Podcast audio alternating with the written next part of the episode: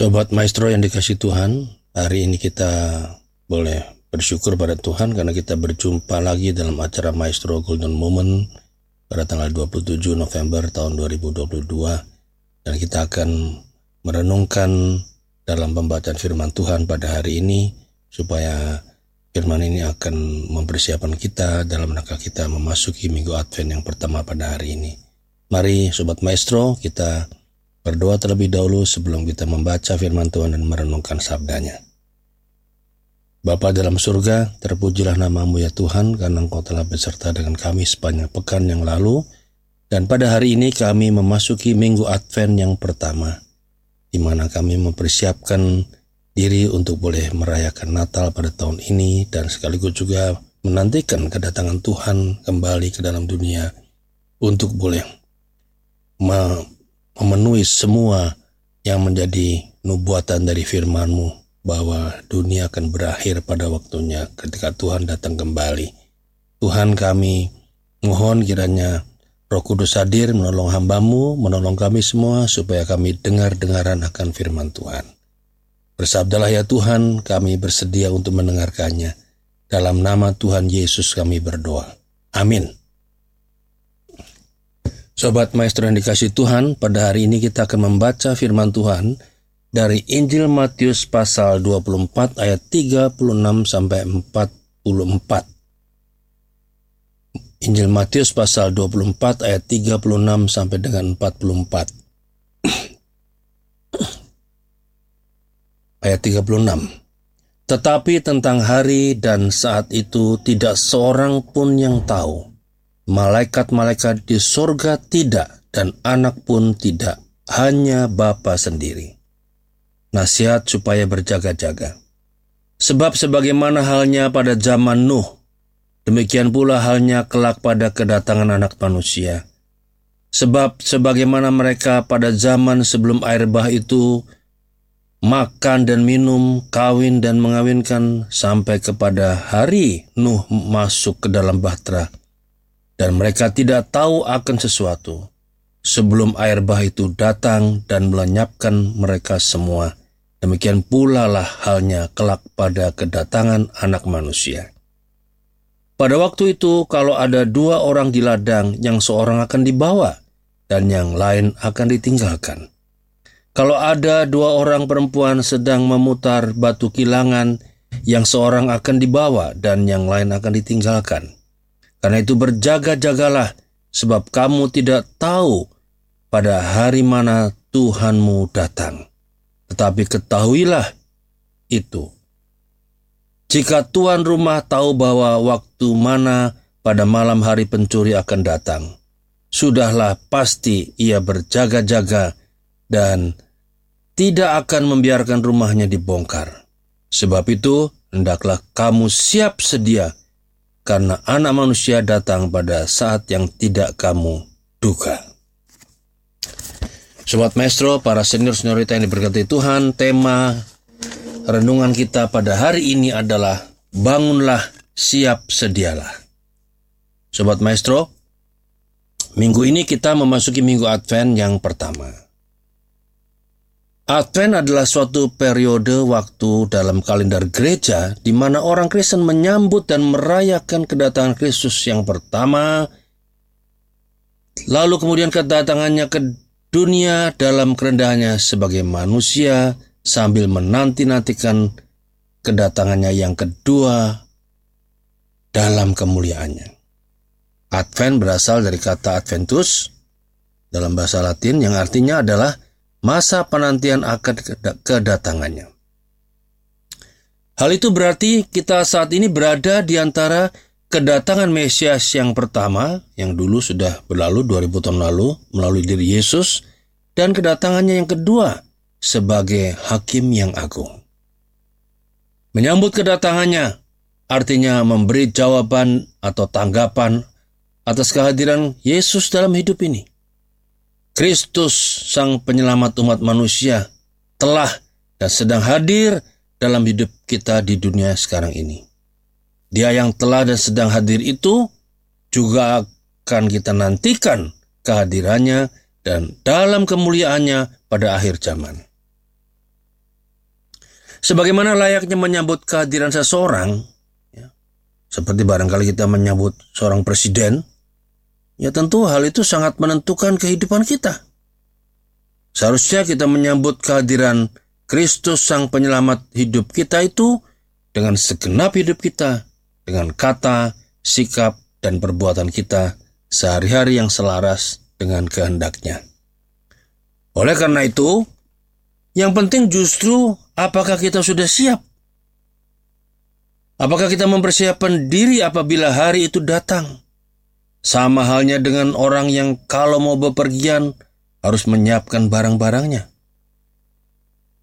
Saudara-saudara, tentu kita sudah tidak asing lagi dengan film 2012 ya, yaitu film fiksi ilmiah yang dibuat pada tahun 2009 yang sangat menggegerkan. Film ini disutradari oleh Roland Emmerich di mana ide dasarnya dari film itu adalah ramalan suku Maya yang menyatakan kalau dunia ini akan berakhir tanggal 21 bulan 12 tahun 2012. Maka film itu dikasih judul 2012. Di film itu diperlihatkan ada banyak peristiwa alam yang menjadi tanda kiamat. Nah, bagaimana Alkitab menyoroti hal ini? Saudara-saudara firman Tuhan tidak menggambarkan dengan tanda-tanda yang seperti sebelumnya pada Matius pasal 24 ayat 29 sampai 35. Ya, tanda-tanda di ayat-ayat itu yaitu tanda-tanda yang dahsyat. Ya, matahari, bulan akan gelap, bintang-bintang berjatuhan, kuasa-kuasa langit goncang, ya, itu ada pada ayat 3 sampai 14. Ada penyesat-penyesat, ada nabi-nabi palsu, mesias palsu dengan tanda-tanda mujizat, perang, bangsa melawan bangsa, kerajaan lawan kerajaan, kelaparan, gempa bumi, penyiksaan, pembunuhan, murtad, kebencian, tidak ada kasih, kedurhakaan, dan lain-lainnya. Semua tanda-tanda yang saya sebutkan tadi, ya di ayat-ayat sebelumnya dari Matius pasal 24, itu membuat manusia takut dan gentar sekali dengan segala yang akan menimpa bumi ini. Karena sangat dahsyat. Ya. Nah, dalam bacaan kita di Matius pasal 24 ayat 36 sampai 44, tanda-tanda itu tidak seperti yang tadi saya sebutkan di atas. Ya. Melainkan biasa-biasa saja. Sampai orang tidak kalau dalam bahasa sehari-hari ngeh, tidak ngeh. Lalu tiba-tiba dalam sekejap dunia berakhir. Dan itu digambarkan seperti pada zaman Nabi Nuh, tidak ada tanda-tanda. Maka orang kawin mengawinkan, orang makan minum sepuasnya, sampai seperti biasa ya dan kemudian tiba saatnya Nuh masuk Bahtera mereka tidak tahu dan tiba-tiba air bah melanda mereka ya lalu digambarkan juga di situ. Kalau ada dua orang di ladang yang seorang dibawa yang lain ditinggalkan. Ini kan biasa saja. Kalau ada dua orang memutar batu kilangan juga sama nasibnya. Ya yang seorang dibawa, seorang yang lain ditinggalkan. Namun dengan sangat tegas, firman Tuhan memberitahukan kepada kita bahwa tentang kapan hari itu datang tidak ada satu orang pun yang tahu. Hanya Bapa saja yang tahu. Ya. Matius pasal 24 ayat 26. Karena itu jangan sibuk fokus dengan memperhatikan tanda-tanda ramal-meramal tentang akhir zaman. Ya. Seperti film tahun 2012 tadi. Film itu hanya rekayasa sebab yang pasti tidak ada yang tahu tentang hari itu. Dalam masa Advent kali ini, tema kita adalah bangunlah, siap sedialah. Hal itu mengingatkan agar kita memiliki gaya hidup berjaga-jaga dan waspada terhadap tanda-tanda zaman. Karena tanpa disadari, sering hal di sekitar kita yang kita anggap remeh membuat kita terlena dan kita jatuh mengikut arus dunia yang jahat. Bagaimana persiapan yang perlu kita lakukan untuk menyambut kedatangannya? Tuhan tidak membutuhkan persiapan-persiapan dalam pengertian secara fisik, ya. persiapan ruangan, dekorasi, persiapan makan minum, dan lain sebagainya. Seperti hanya kalau kita mempersiapkan diri menyambut Natal, tetapi Tuhan membutuhkan persiapan hati, jiwa. Ya, karena itu bangun, siap sedialah. Itu yang kita mesti siapkan. Saudara-saudara, bangun. Ya, bangunlah. Itu dalam bahasa Alkitab punya makna berjaga-jaga. Ya. Seperti orang yang bangun dari tidur pertanda bahwa ia mulai berjaga. Berjaga bukan sekedar untuk aktivitas biasa sehari-hari setelah kita bangun.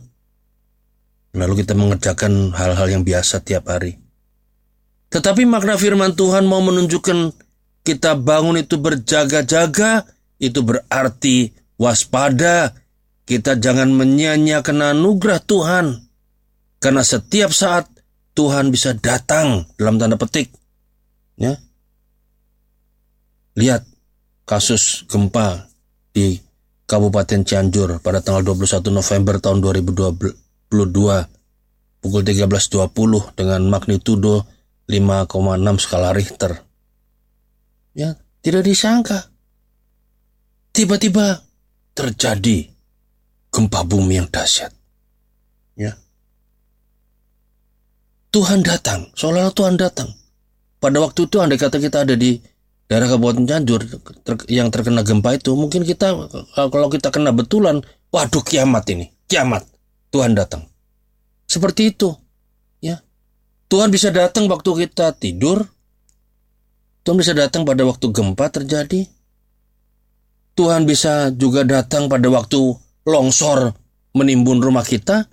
Lalu kita di situ sudah selesai tugas kita di dunia.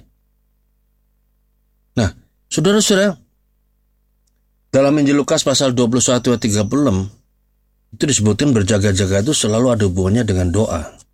Berjaga-jagalah senantiasa sambil berdoa supaya kamu beroleh kekuatan ya. Supaya kamu tahan berdiri di hadapan anak manusia. Saudara-saudara doa itu adalah sumber kekuatan. Orang percaya untuk berjaga untuk bangun untuk bertahan menantikan datangnya anak manusia.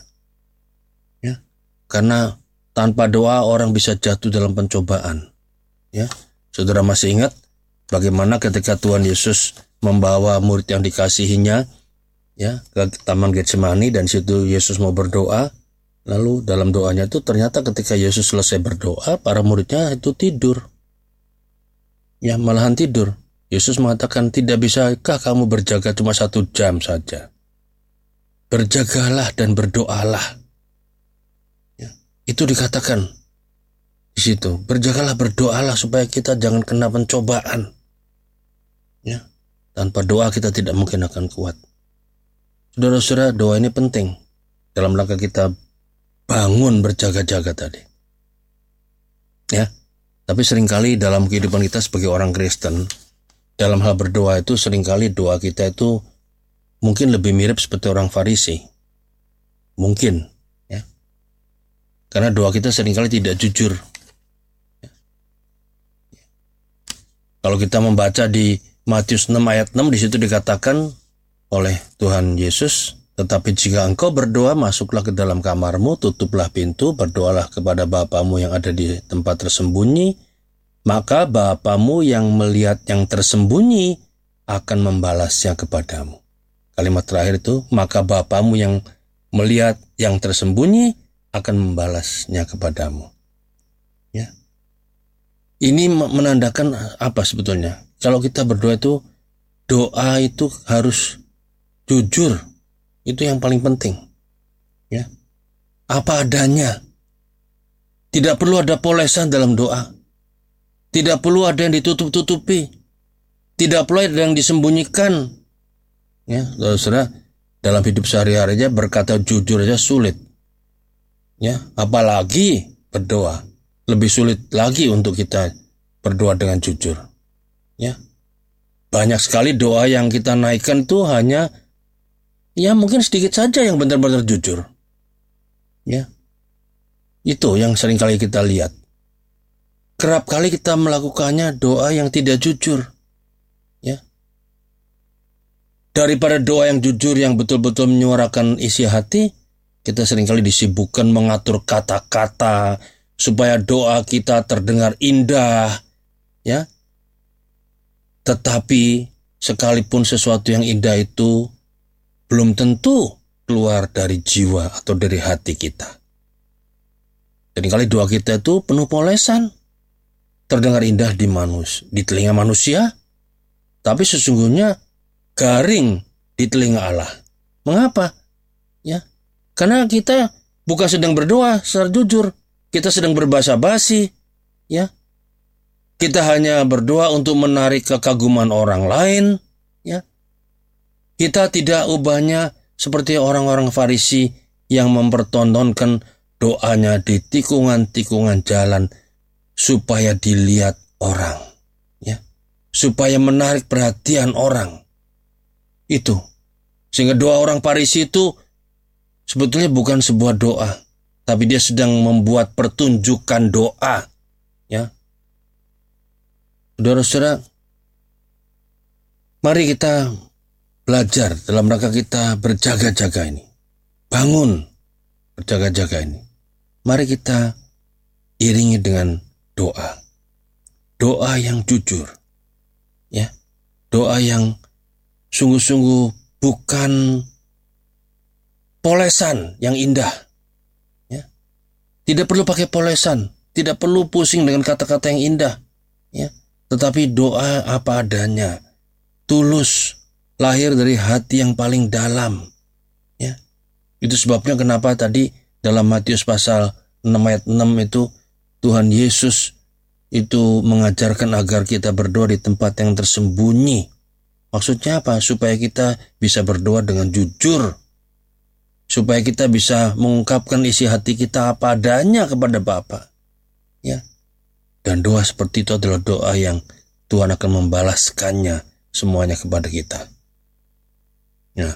Jadi kalau kita berjaga-jaga, bangun, itu artinya apa? Kita harus juga disertai dengan berdoa senantiasa secara jujur. Ya.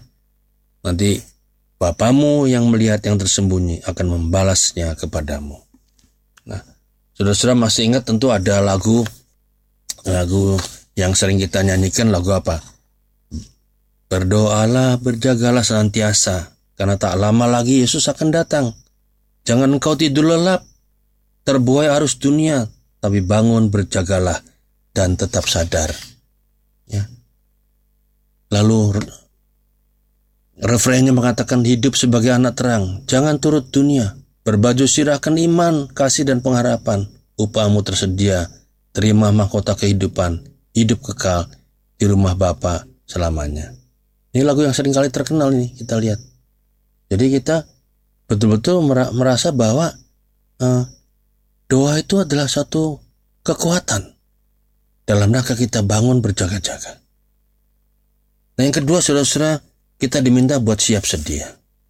Apa sih yang disiapkan? Ya hidup ini. Ya, Efesus 5 ayat 14 sampai 17 tuh mengatakan hai kamu yang tidur bangun. Hidup ini harus berusaha menjadi mengerti kehendak Tuhan karena hari-hari ini jahat. Ya. Dalam kitab Nabi Yesaya pasal 2 ayat 5b juga dikatakan, "Mari kita berjalan di dalam terang Tuhan." Ya, saudara masih ingat kalau orang-orang yang senior ini Orang lama pasti masih ingat ada dulu pernah ada lagu Hai bangun yang tidur. Ya. Hai bangun yang tidur yang mati sadar. Terang Kristus telah bercahaya. Tak lama lagi hari kiamat besar. Yang tidur diancam bahaya Dengar suara Yesus dan bangkit segera. Mengapakah kau lalaikan panggilannya? Ya ini para orang-orang tua yang lama pasti ingat lagu rohani ya nomor 164. Hai bangun kamu yang tidur mati sadar ya. Terang Kristus telah bercahaya ya. Tak lama lagi hari kiamat besar ya. Yang tidur diancam bahaya. Ya. Dengar suara Yesus itu, ya. Paulus mengatakan hari sudah jauh malam, telah hampir siang, sebab itu marilah kita menanggalkan perbuatan-perbuatan kegelapan dan mengenakan perlengkapan senjata terang. Ya. Jadi peringatan Paulus ini menegaskan bahwa Tuhan ingin agar kita hidup dalam terang. Ini yang kita siapkan, terang. Terang Kristus. Saudara mungkin masih ingat kisah tentang lima gadis yang bijak dan lima gadis yang bodoh dalam Injil Matius pasal 25 12 sampai 13. Ya.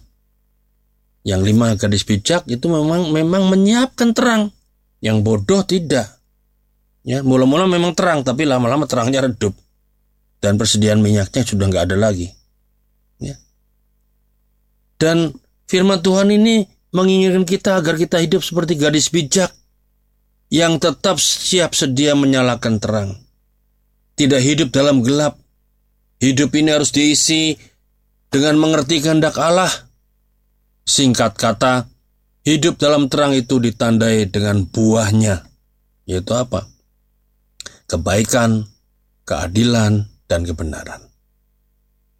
Dalam Efesus 5 ayat 9 dikatakan, tiga hal tadi yaitu kebaikan, keadilan, dan kebenaran diuji bagaimanapun pasti hasilnya terang.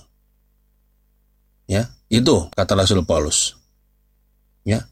Persoalannya adalah untuk menjadi terang di tengah zaman ini bukankah ini tidak mudah? Ya, karena kita harus berhadapan dengan dunia yang hampir 100% gelap. Dunia menganggap hidup dalam terang itu sebagai sesuatu yang tidak sesuai dengan zaman now.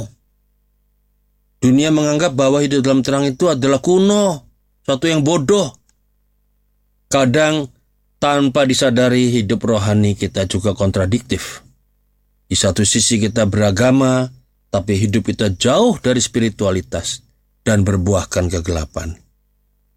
Coba lihat lihat contoh di masyarakat. Bukankah kehidupan keagamaan di masyarakat ini sangat semarak? Makanya kita sebut masyarakat agamis. Tapi dalam masyarakat agamis itu perilaku kita sehari-hari tidak punya etika, tidak punya moral, perilaku tanpa kasih, ya. Maka kita melihat dalam actionnya apa? Orang sampai bisa membunuh orang lain atas nama agama. Banyak peraturan dibuat, undang-undang dibuat, tapi perilaku orang tetap jahat, ya. Banyak aturan dibuat untuk tidak korupsi, tapi korupsi makin menjadi-jadi, ya, dan lain sebagainya. Nah, saudara-saudara itu yang terjadi di masyarakat. Tapi juga barangkali kehidupan di gereja mirip, bisa mirip, di mana mungkin gereja tidak menunaikan tugas kesaksian dan diakonianya dengan benar.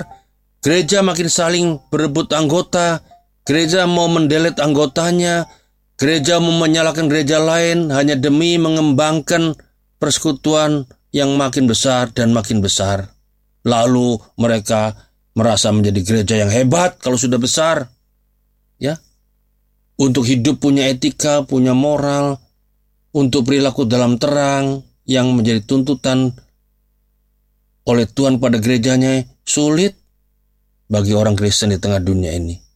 Eh, barangkali bisa dibayangkan seperti melawan ombak yang besar. Ya. Nah, saudara-saudara, cara hidup dunia pada zaman sekarang menjauhkan kita dari hidup dalam terang Kristus. Cara hidup dunia ini kadang-kadang juga menyeret gereja. Untuk gereja kelihatannya memang menjadi gereja, tetapi spiritual spiritualitasnya nol. Besar. Artinya ya apa? Orang orang ya datang ke gereja, tapi juga orang bisa hidup jahat juga. Walaupun sudah ke gereja. Hidup seperti seolah-olah 50% gereja, 50% jahat. Ya, setengah-setengah. Ya. Saudara-saudara, tidak ada hidup yang setengah-setengah bisa melawan arus. Mengikut Tuhan Yesus tidak bisa setengah-setengah. Ya, gereja harus tetap jadi gereja sekalipun harus melawan ombak yang besar dalam dunia ini. Itu di gereja, di rumah tangga juga bisa terjadi. Bagaimana orang bisa melihat terang Kristus dalam kehidupan keluarga kalau misalnya di dalam rumah tangga kita masih terjadi KDRT, ya, ya, KDRT terhadap istri dari sang suami, KDRT dari orang tua terhadap anak-anak, ya. Hidup-hidup seperti itu bagaimana bisa mencerminkan terang Kristus dalam kehidupan keluarga. Saudara-saudara, masih banyak orang yang ada di dunia ini dalam keadaan gelap. Dan dunia akan tertawa kalau ada orang Kristen yang hidupnya dalam dunia kegelapan. Karena itu sama sekali tidak mencerminkan kesaksian kita kepada dunia. Orang tidak akan melihat terang Kristus dalam hidup kita sebagai anak-anak Tuhan. Apa sih yang membedakan orang Kristen dengan yang bukan Kristen? Karena kalau kita melihat hampir semuanya sama. Orang Kristen kerja, orang nggak Kristen juga kerja. Orang nggak Kristen bisa jadi pimpinan, yang Kristen juga bisa jadi pimpinan. Orang Kristen bisa kerja di kantor, orang lain juga bisa di kantor. Orang Kristen bisa pakai kendaraan, orang lain juga bisa pakai kendaraan. Semua sama kelihatannya.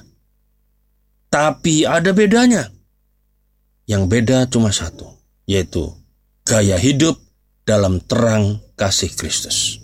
Itu yang membedakan, harus membedakan. Yang lainnya boleh sama. Ya.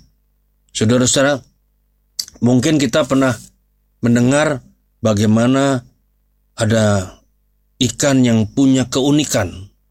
Ikan yang bisa hidup di air tawar dan bisa hidup di air asin. Dan ikan itu adalah yang yang kita namai ikan salmon. Ya, bagaimana ikan ini bisa kembali ke tempat aslinya di gunung untuk bertelur, khusus bertelur. Lalu berat, lalu telurnya kemudian menjadi anak. Ya. Jadi bagaimana ikan itu dari laut kembali ke tempat aslinya di ke gunung untuk bertelur. Kadang ketika dalam perjalanan dari laut menyusuri sungai menuju pegunungan, ia melawan arus sungai yang deras. Kadang saat ia melompat naik ke bagian air aliran air yang lebih tinggi, keburu ditangkap beruang. Ya, ketika air mulai kering, ia harus bertarung dengan batu-batu di sungai itu. Tapi itu terus dilakukan melawan arus itu. Sampai akhirnya itu sampai ke tempat aslinya ya di gunung untuk bertelur. Dari situ kemudian terjadi reproduksi dalam kehidupan ikan salmon. Ada anak-anak semuanya dan ketika itu terjadi balik lagi mereka ke laut. Ya, ini ikan ini tampil beda. Sangat beda. Dia bisa melawan arus. Maka harganya pun juga mahal. Ya. Nah, inilah saudara-saudara gambaran bagi kita untuk berani tampil beda, berani melawan arus kehidupan. Coba kita renungkan, bukankah sering kali untuk sesuatu yang bersifat pribadi kita sering ingin tampil beda? Ya, kita ingin berbeda, ya, dalam penampilan kita. Begitu juga halnya dengan kekristenan kita. Kita harus berjuang dan berusaha untuk tampil beda. Kita memang hidup di dunia, tapi kita bukan dari dunia ini. Kita harus melawan arus. Hidup dalam terang Kristus adalah karya Roh Kudus. Kita sulit hidup dalam terang Kristus hanya dengan kekuatan kita sendiri. Tetapi menjadi terang itu adalah tanggung jawab kita untuk memperjuangkannya. Menjadi terang itu sifatnya aktif. Jadi ada yang harus kita lakukan. Tapi kita tidak sendiri kita punya Roh Kudus yang bisa menolong kita.